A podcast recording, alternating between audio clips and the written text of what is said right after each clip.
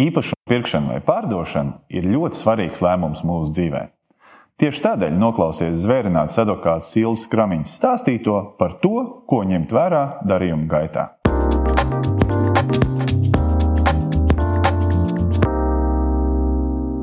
Sveika, Ilze! Sveiks, Gunter!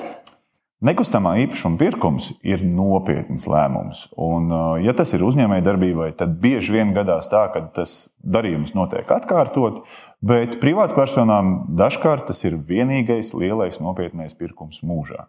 Tieši tādēļ ir svarīgi saprast, kam neuzķerties, ko izpētīt pirms šī darījuma. Un, tādēļ ar tevi vēlos aprunāties par šiem jautājumiem. Bet sāksim varbūt uzreiz no pašiem pirmsākumiem. Respektīvi, man ir vēlme iegādāties. Es varbūt jau esmu atradis vienu vai vairākus variantus, un kam man pievērst uzmanību? Ko, kam, kādus aspektus pētīt? Vai nu varbūt pircēji pusē, vai varbūt objektu pusē, tā lai es pārliecinātos, ka šis ir tas, ko es varu pirkt. Jā, Gunter, tieši par, tu par pareizi norādi. Tur ir divi aspekti. Ehm, es kā jurists teikšu tā, ka ir jāpaskatās uz pašu objektu. Tas ir viss tās tehniskās lietas, viss par pašu objektu. Un tad, protams, ir jāskatās tajā, tajos dokumentos, eh, kas tiek, pie, kurus tiek piedāvāts parakstīt, lai to objektu iegādātos. Un, ehm, un, protams, skatoties uz pašu objektu, viens ir, kad cilvēks iet ir jāapskatās, kur ir objekts, kā viņš izskatās, kādā tehniskā stāvoklī tas ir, vai, vai visas lietas apmierina. Protams, jāpievērš uzmanība defektiem un tādas lietas, ko katrs pats jau droši vien ir, ir, ir izpratis, ka tas ir jādara. Uh, Bet otrs ir tā juridiskā pārbauda, ko arī patiesībā katrs pats var izdarīt bez jurista iestājas. Ja? Un tas min, tā minimālā programma būtu atvērt zemes grāmatu, apskatīties tātad, uh, uz šo īpašumu zemes grāmatā, tos raksturojošos datus, jo tur parādīsies gan tas, kam viņš pieder. Vai viņš patiesībā pieder tam, kas viņu pārdod, ja kas nav mazsvarīgi, jo reizēm pārdod pilnvarnieki, ja, un tad ir jāpārbauda pilnvars un tam līdzīgi. Pastīties, vai īpašumam nav kāda apgrūtinājuma reģistrēta. Ja? Piemēram, kādas hipotēkas, eh, banku hipotēkas virsū, tad arī tās būs jārisina darījuma gaitā. Atvērt arī kadastrs.lv datus un arī aplūkot īpaši, ja, piemēram, cilvēks iegādājas zemi vai zemi kopā ar māju, vai zemi, lai būvētu māju. Ja? Ir jāapskatās šie kadastra dati un zemes grāmatas dati, vai nav kāda servitūta virsū, kādi apgrūtinājumi, kaut kas jocīgs, ko cilvēks varētu ieraudzīt, un vai nu tad pats piefiksēt un risināt to ar pārdevēju, kas tas ir un kā mēs tam pieejam, vai tad saprast, ka tiešām varbūt vajadzīga jau jurista palīdzība, lai, lai izprastu, teiksim, kā to pareizi kārtot. Tā tad aplūkot visu par un ap šo īpašumu. Un tad, protams, ir nu, pievērst uzmanību tam, kā tas, darījumu tiek piedāvāts struktūrēt. Ja? Tātad eh, visticamāk pašam pārdevējam visbiežāk jau būs kaut kāda vīzija un būs sagatavot šie pirkuma vai, vai priekšlīguma vai rokas naudas līgumi. Ja? Un tad rūpīgi iepazīties ar tiem. Un pats galvenais ir, vai cilvēks saprot, kas ir rakstīts, vai tie noteikumi ir draudzīgi, samērīgi un arī cieņpilni. Ja? Vai tur nav kaut kas neparasts? Ja? Tas būtu tā, ja tu jautā tā pa vispārīgiem blokiem. Tu jau atbildēji gandrīz uz visiem jautājumiem, pāris teikumos, bet, bet sadalot šos jautājumus pa, tiešām pa blokiem un, un par reizinātājiem, tā varētu teikt. Zemes grāmata. Nu, ir cilvēki, kas ikdienā ar to nodarbojas, bet, nu, kā jau mēs minējām, varbūt kādam tas ir vienīgais pirkums mūžā, un iešana uz zemes grāmatu vai pētīšana zemes grāmatas datos nu, nav ikdiena. Kā to var izdarīt? Ļoti vienkārši, Gunter. Zemes grāmata ir datorizēta mūsdienās, un patiesībā nekur nav jāiet. Manuprāt, neviens arī sen vairs neiet, ja vien īpaši kaut kāda pieprasījuma nav. Ieiet zemesgrāmata.lv, var ielogoties tātad ar savu parasto pieeju elektronisko caur Latviju.lv. Un aplūkot uh, faktiski jebkuru īpašumu, jo visi šie dati ir publiski. Ir jāzina vai nu īpašuma adrese vai kadastra numurs. Un to ievedot, tātad var atvērt pilnu zemesgrāmatas nodalījumu. Uh, tātad šo izrakstu, kurā varēs aplūkot visu par un ap šo īpašumu. Un pats galvenais ir redzēt, kas tad ir uh, īpašnieki šim īpašumam, ko jūs gatavojaties iegādāties. Un tur arī secīgi ir sarakstīts, respektīvi, īpašums, tad ir ķīlis, un tad varbūt vēl kaut kāda apgrūtinājuma. Tieši ja tādi tā, ir, ja, ja tajās sadaļās ir viss tukšs. Ja. Un īpašnieki sakrīt, tad pirmais jautājums ir atrisināts. Pirmais jautājums ir atrisināts. Tātad pārdevējs ir tas īstais, kas ir reģistrēts zemesgrāmatā, un jūs droši varat turpināt šo pirkšanas, pārdošanas sarunu. Jā. Ok, nākošais tehniskais bloks. Uh, nu, tā, ir, ir, ir, ir īpašumi, kas ir varbūt jau dzīvojuši gadiem, un, un skaidrs, ka laiku pa laikam mums arī patīk atjaunot dekorācijas mājās. Un ne tikai dekorācijas, bet varbūt arī pārbīdīt kādas sienas, nojaukt vienu, uzbūvēt otru. Skaidrs, ka tam visam tīri pēc likumdošanas ir jābūt sakārtotam, ir jābūt bijušam projektam, projektam ir jābūt legalizētam. Kā to var pārbaudīt? Vai viss ir kārtībā, vai nav izbūvēts kaut kas nelikumīgs, un cik nozīmīgi ir pievērst šim uzmanību? Ļoti nozīmīgi, un ar patiesībā tu uzdod ļoti aktuālu jautājumu, jo ļoti bieži dzīvē, eh, nu, dabā, ja tā tad šie īpašumi um, vecākos projektos ir pārbūvēti tā vai citādi. Ja, un nevienmēr vai, godīgi sakot, ļoti bieži tas ir noticis nesakārtojot būvniecības procesa dokumentāciju. Ja?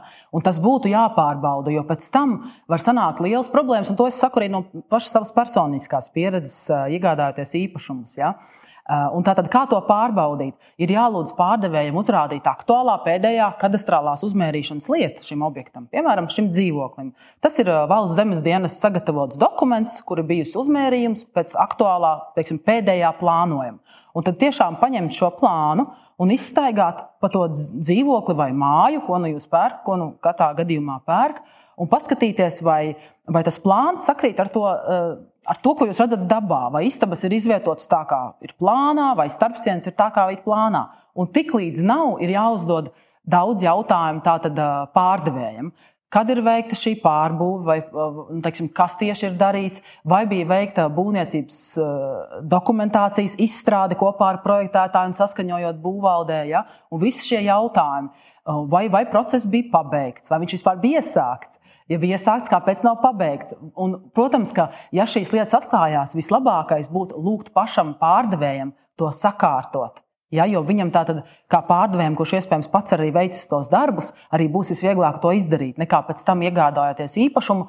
Un tad mēģinot sākt no nulles, tagad, teiksim, legalizēt to būvniecību. Ja? Jo, teiksim, ja, tā, ja Kādas ir tās konsekvences, ja kādā brīdī piefiksējas no valsts institūciju puses, tātad nu, no būvvaldes puses, ka ir nelikumīgi būvdarbi objektā, viņi nav saskaņoti, tur nav bijusi būvniecības dokumentācija, var tikt piemērots ne tikai pienākums legalizēt, bet arī noteikti paaugstināt nekustamā īpašuma likme līdz pat 3%. Okay. Tas var būt diezgan nepatīkami praktiski. Tāpēc mans ieteikums būtu pievērst šim nopietnu uzmanību, iegādājoties īpašumu. Labi, bet ja pieņemsim, man dikti, dikti patīk tas dzīvoklis, un pārdevējs jau ir pats iegādājies no iepriekšējā pārdevēja ar sen veiktiem pārbūves darbiem, un nu, nav nekas vairāk darāms. Ne pārdevējs zina, kad tas ir darīts, ne uh, ir kaut kas legalizēts, vai tad ir kaut kas glābjams. Ir glābjams. Paldies Dievam, ir glābjams. tas nozīmē, ka vienkārši būs pašam jāveic šī projekta, būs jāsazinās ar projektētāju. Eh, kurš tad arī konstatēs, tad, kādas izmaiņas ir veiktas, sagatavos šo nepieciešamo. Tāda būs pārbūve, vienkāršotā pārbūve, kā nu kurā gadījumā dokumentācija, ja, un uh, saskaņos to ar personām, ar kurām jāsaskaņo, un par to mēs tūlīt parunāsim.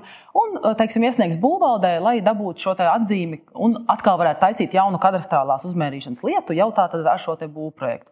Bet par skaņošanu, protams, ir jautājums, un tas ir tas grūtais jautājums šajā stāstā. Jo gadījumā, ja tie būvdarbi būs skāruši nesošās konstrukcijas, tad uh, tas skaitīsies kā mājas kopīpašuma daļa, ja, tas, ja tā būs daudz dzīvokļu māja. Un šis projekts tā gadījumā būs faktiski jāsaskaņo ar pārējiem mājas iedzīvotājiem. Visiem. Un, jā, un tas var izrādīties tas sāpīgais āķis, ka, ja, ja tu skar mājas kopīpašuma daļas, tad ir jāsaskaņo ar visiem iedzīvotājiem. Ja vien tie iedzīvotāji nav iepriekš lēmuši, piemēram, ka šādu funkciju viņi deleģē pārvaldniekam, bet kas ir reti gadījumi, kas ir pietiekami reti gadījumi. Tomēr īpašnieki vēlas paturēt šo, nu, jo, jo viņiem ir svarīgi, kur kādās nesošajās sienās, teiksim, cits mēģina teiksim, izveidot ailas, un, un, un, un tad, jo ēka var zaudēt noturību. Beig, beigās tu jau rūpējies arī pats par savu īpašumu. Tieši drošību. tā, jā, tieši tā. Tāpēc tas visbiežāk nav deleģēts pārvaldniekam, un tad ir ar to projektu, tam projektētājam vai pašam īpašniekam jāapstaigā jāpieklauvē pie katrām durvīm, lai saņemtu to saskaņojumu. Un nav teikts, ka jūs to saskaņojumu saņemsiet. Ja jūs dzīvojat piektajā stāvā un jums, jums zem jums dzīvo kaimiņš un ir vecā māja, kurai ir eh, slikts starpstāvu pārsegums un varbūt jums skraida bērni, viņš nebūs jums priecīgs saskaņot jau kāds būvdarbs. Tas var būt garš un, eh, sāp, nu, teiksim, garš un laikietilpīgs process, kas prasa arī daudz nervus. Nu jā, tas, tas nozīmē, pēc būtības, ja šis kriterijs iestājās, un ja, ja, ja ir risks un, un, un redz dabā, kad nesakrīt ar bildi, nu, dokuments ar bildi, jā, nu, tad, jā. tad šis ir viens tāds jau trikī punkts, kur varbūt tomēr paskatīties, vai vajag veikt šo darījumu, un ja nav pārdevējiem atbildes, un viņš varbūt pats nevar aiziet saskaņot ar visiem kaimiņiem, tad varbūt tomēr šo risku neuzņemties. Jā, tieši tā ļoti rūpīgi pārvērtēt, ja ir alternatīvas. Alternatīva objekta, ja tā tad parasti jau cilvēks vairākus apskatās. Mm. Tad še, šeit noteikti pie šī tas ir trakns mīnus jūsu tajā plus un mīnus sarakstā, ja, kas tiek gatavots. Tā kā es teiktu, ka ļoti jāpārdomā, īpaši tās nav tikai starpsienas, bet skar tātad to kopējo daļu. Ok, bet pieņemsim, ja bilde ar papīru sakrīt, ir vēl viens čeks un varam virzīties tālāk. Nākošais stāsts ir pircēja puse, ir pārdevēja puse. Šobrīd ir ļoti drastiski noteikumi attiecībā arī uz, uz, uz um, anti-money laundering, un uh, ir latviešu valodā ir šis likums, kas ir ļoti garš. Mēs par viņu smejamies kā nifteltun, bet patiesībā tas pēta uh, līdzekļu legālo iz, uh, izcelsmi. Un, un, uh, vai pircējam un pārdevējam, veicot darījumu savstarpēji, ir jāpārbauda vienam otru, vai šie te varbūt iegādāts ir šis īpašums iepriekš par legāliem līdzekļiem, un otrādi, vai pircējiem ir legāla izcelsme šiem līdzekļiem. Kurā brīdī tas ir jādara un kā atbildība tā ir? Ļoti labs jautājums. Redzi, ja darījums notiek starp, divām, starp divām privātpersonām, divas privātpersonas savā starpā īsti nebūs šī likuma subjekti. Tā kā nebūs tas pienākums, ja es pirkšu Ilze no tevis Guntara. Tev piederošu dzīvokli, ja man nav tādu no šī likuma izrietošu pienākumu. Bet, redz, ja mēs pirksim šo, ja es pirkšu šo dzīvokli un iesaistīsies banka, iesaistīsies brokeris, ja, kuri tātad ir šī likuma subjekti, tad uh, visticamāk tā tad uh, arī šī īpašā likuma prasības vienā vai otrā brīdī Uh, var tikt lūgts, lai, lai, lai abas puses izpilda tātad, ja, tātad, lai pircējs eh, parāda savu līdzekļu izcelsmi, ja, eh, ka tā ir legāla un, un, un, un tur nav nekas aizdomīgs. Ja, un savukārt, protams, arī um, pircējam var būt interese, godīgi sakot, arī noskaidrot, vai viņš pērkot no pārdevēja kaut ko netiek netieši un nejauši un pašam nezinot, iesaistīts arī kādās schēmās vai, teiksim, jocīgās lietās. Ja?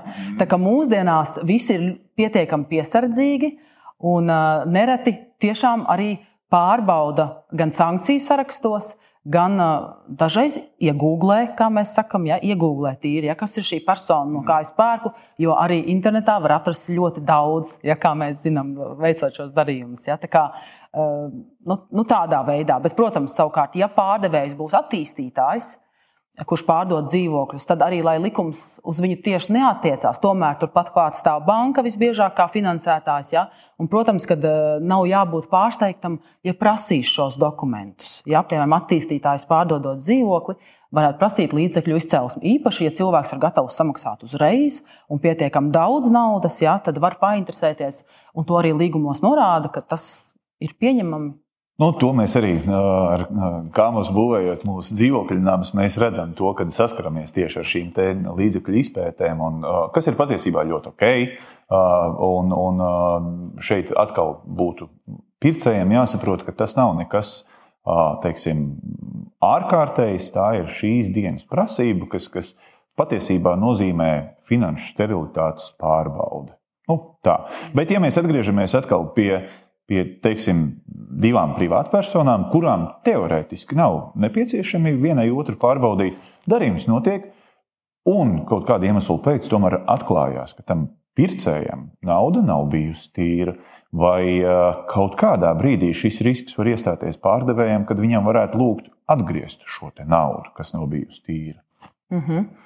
tur jāskatās, tātad, protams, vai tiks rosināti, vai teiksim, šim te pircējam tiek rosināti kādi krimināli procesi. Ja? Par ko tie ir? Vai ir process par noziedzīgi iegūtas mantas legalizācijas jautājumiem? Ja? Un tad, protams, te uzreiz juristu vidū arī notiek šī lielā diskusija. Ja? Tātad ir šis labticīgais ieguvējs, ja? kuram, kurš ir ieguvis nezinot, ka varbūt teiksim, sākotnējais pārdevējs ir ieguvis kaut kādā nelikumīgā veidā. Ja? Un tad, protams, arī zinām, valstī ir bijušie skaļie gadījumi. Tur gan ir bijis nevis uh, noziedzīgi līdzekļi, bet kāds krāpniecības gadījums iepriekšējā īpašnieka ķēdē, ja? kur ir rosināta krimināla procesa, un tad kā cietušajiem atgriezt šo dzīvokli vai neatgriezt. Ja?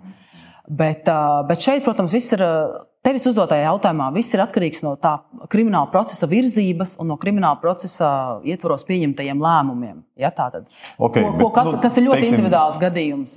Bet, bet, nu, Es lielā mērā ceru, ka pasaule virzās tajā virzienā, ka krimināla procesa šādos gadījumos kļūst ar vien mazāk un mazāk. Un, un pēc tevis sacītājas arī saprotu to, ka, ja ir iesaistīta banka, tad patiesībā tas darījums jau varētu būt zināmā mērā diezgan drošs. Tieši tā, jā, jo banka stāv blakus un banka jebkurā gadījumā pārbauda.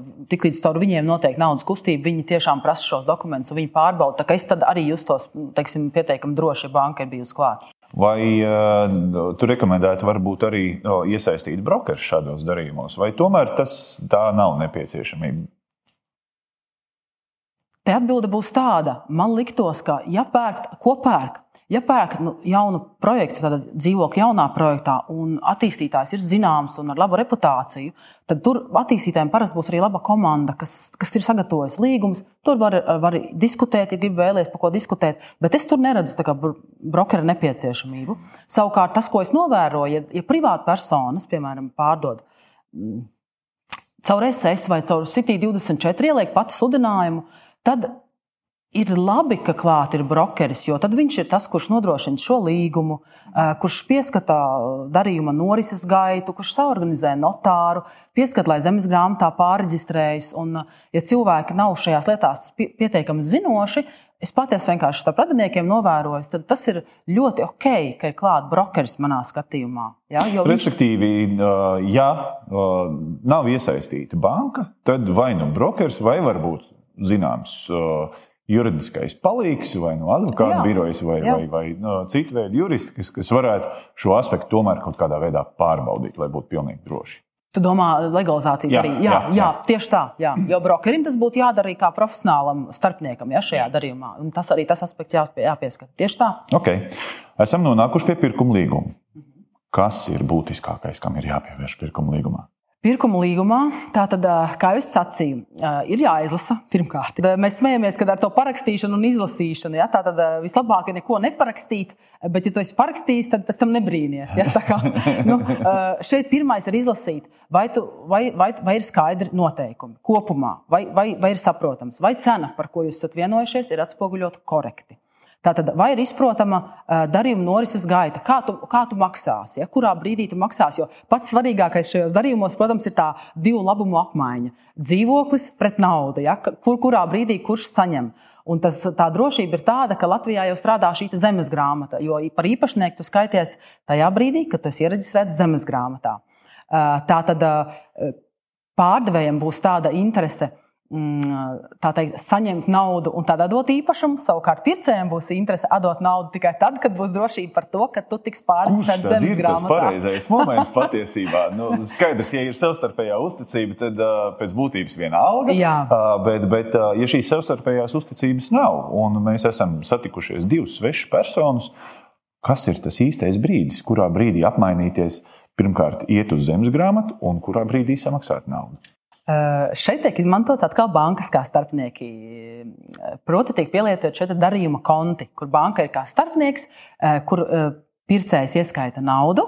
Tad viņi aiziet pie notāra, paraksta nostiprinājumu lūgumu, zemes grāmatu iereģistrē pircēja īpašumtiesības, un banka ieraugot, ka īpašumtiesības ir noreģistrētas, atbrīvo naudu tātad pārdevējiem. Tas ir viss tāds visideālākais un arī ļoti bieži piemērots mehānisms, kādā puses tiek galā. Vai tad, ja darījums ir mazāks, vai varbūt puses nevēlas iesaistīt banku, jo arī par bankas darījumu kontu, protams, ir jāmaksā. Tad puses ar dažādiem līdzekļiem, vai nu ir šī uzticība, ja, kurš panāk soli pirmais pretī, bet tad, ko vēl puses pielieto, ir, ka tā tad aiziet pie notāra, paraksta nostiprinājumu lūgumu, bet palūdz notāram to vēl nesūtīt uz zemes grāmatu, kamēr netiek atnests un pievienots maksājuma uzdevums. Tātad mēs parakstam nostiprinājumu lūgumu, ja tu pārdod. Es esmu droša, ka tu esi parakstījis šo īpašumu pārējais dokumentu. Es aizēju pārskaitu, vai turpat datorā, nu, ja ir palielināta limita pārskaita šo cenu, eh, pirkuma maksu tev, eh, dabūna maksājuma uzdevumu pievienoja to nostiprinājumu lūgumam, un tikai tad notārs jau sūta eh, prom visu uz zemes grāmatu, jo nauda ir saņemta. Un tā teikt, arī īpašums tiks pārreģistrēts. Tā kā puses eh, dabā meklē visādus šos variantus, arī tīri praktiskus, eh, lai šos darījumus organizētu droši. Un tas ir iespējams, jo Latvijā tiešām ir ļoti droša sistēma caur šo zemes grāmatu un arī ar notāru līdzdalību pie nostiprinājuma lūgumu parakstīšanas. Tas ir pietiekami viegli, bet es varu pateikt, ka tā nav visās valstīs. Ja šī centralizētā sistēma, piemēram, Amerikā, ir pavisam citāda. Tur nav šādas zemes grāmatas. Ja? Tur katru reizi pērkot īpašumu, tev faktiski ir jāpārbauda līdz 18. gadsimtam visa iepriekšējā īpašuma tiesību ķēde, jo, jo tev nav zemes grāmata, kas ir uzņēmusies šo funkciju. Okay, ja? Tā kā okay. Tā kā, okay. Nu, bet tā tad pirkuma līgumā ir pirmkārt jāpārliecinās par to, ka ir visi īpašuma dati ievadīti pareizi, cena pareizi, pārdevēja rekvizīti, un tad ir šī norēķina kārtība. Norēķina kārtība, un vēl viens aspekts, protams, būtisks ir garantijas. Tātad garantijas. Kādas garantijas uzņemas pārdevējs par šo pārdoto dzīvokli? Un, protams, šis jo īpaši svarīgāk būs pie jauniem projektiem, jo projekts ir tikko teikt, svaigi uzbūvēts, pabeigts. Un arī pēc likuma, ja tas ir patērētājs, kurš iegādājas nevis juridiska persona, tad ir šie divi gadi, eh, kad eh, pircējs var vērsties pie pārdevēja, ja ir atklājušies kādi defekti. Ja? Un vienkārši jāpievērš uzmanība, vai līgumā viss tas arī korekti ir aprakstīts. Un šādas tiesības, teiksim, ir respektētas un aprakstīta procedūra, kā tad puses risinās šo defektu novēršanu. Ja tas ir jau lietots objekts, ko iegādājas, tad gan visbiežāk darījumos darījums slēdz pēc tā as-is principa, ka uh, pārdevējs arī negrib uzņemties nekādu atbildību, jo viņš nav ne to būvējis to objektu, ja ne par viņu kaut kā citādi spēja dot papildus garantijas. Ja? Un tad tāpēc šiem, šiem aspektiem ir jāpievērš uzmanība, kā tas ir noregulēts. Ilze, par, par paldies. Mēs esam pēc būtības nonākuši līdz tam, kad mēs esam nopirkuši īpašumu. Es jūtu, ka mums būs vēl viena saruna par to, kā pēc tam dzīvot un kam vēl pievērst uzmanību. Bet uh, varbūt sarunai tuvojoties noslēgumam, vai tu varētu ieskicēt, uh, ko varētu darīt labāk, kā varētu uzlabot sistēmu, vai varbūt ir jau kaut kādas praktiskas idejas, kā mēs varētu šo teiksim, vēl ātrāk un vēl drošāk uzlabot pirkuma procesu, līguma saskaņošanu, un tā, lai teiksim, pircējs justos ērti un komfortabli. Gunter, jā, par to domā, par tādu efektivizāciju, inovāciju un pāriešanu arī tādā digitālā vidē daudz tiek domāts, un visi arī juridiskā nozara mēģina inovēt šajā virzienā, bet, protams, ka neiet tik viegli. No otras puses, savi, savi soļi ir spērti, un arī Covid šo to ir pienesis ar savu attālināto darbošanos. Un, piemēram, tas nav visās valstīs, bet Latvijā to var izcelt, ka arī Latvijā jau šobrīd, piemēram, šos darījumus var kārtot pie notāriem digitāli, un ne tikai pie notāriem, pus, pašas puses savā starpā var plaši pie, pielietot šo elektronisko parakstu. Man, mūsu praksē ir tādi gadījumi, ka pircējs tur Lietuvā, pārdevējs Igaunijā, un viņi tajā darījuma laikā vispār nesatiekas, ja, jo viss notiek elektroniski. Līgums tiek parakstīts elektroniski, tiek elektroniski nosūtīts notāram. Notārs arī Latvijā tas ir fantastiski. Var organizēt attālināto vizīti, kur tu savu identitāti apliecini atrodoties ekrānā un teikt, uzrādot savu ID kartiņu notāram, ja, notārs vienlaikus redz, ka arī elektroniskais paraksts, tātad, ja viņš var salīdzināt, tur nav nekādu šaubu.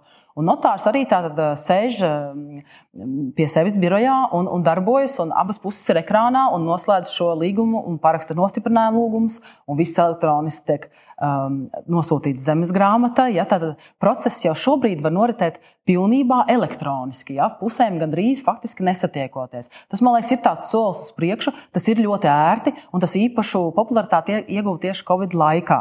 Šādā veidā slēgt darījumus. Bet tas arī ir palicis, un puses tā arī turpina.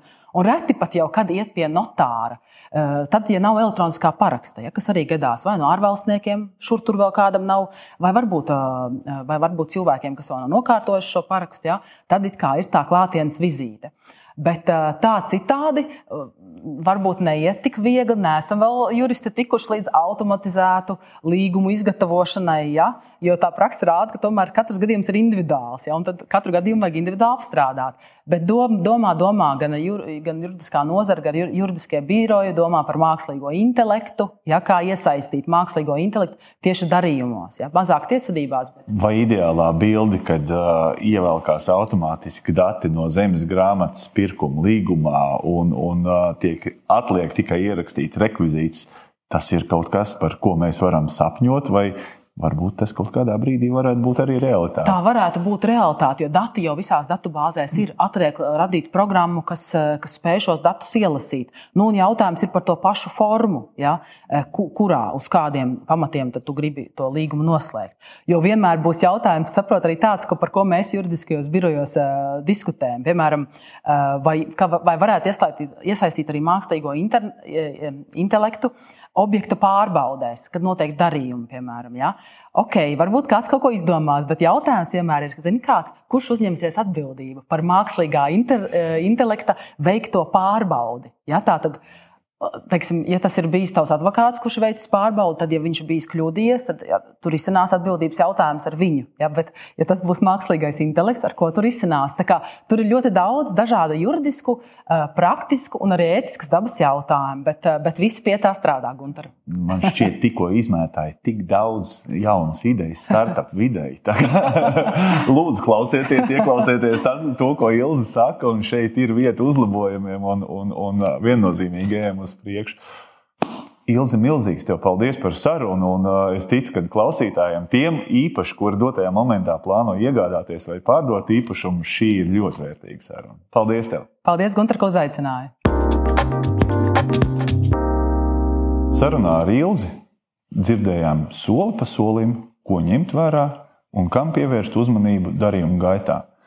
Bija ļoti aizraujoša saruna un uh, goda vārds Ieklausieties stāstītajā, ņemiet vērā, atcerieties, un, protams, ja ir nepieciešams padoms, ziniet, kur vērsties, vai nu pie Ilzas, vai nu kādā citā juridiskajā birojā.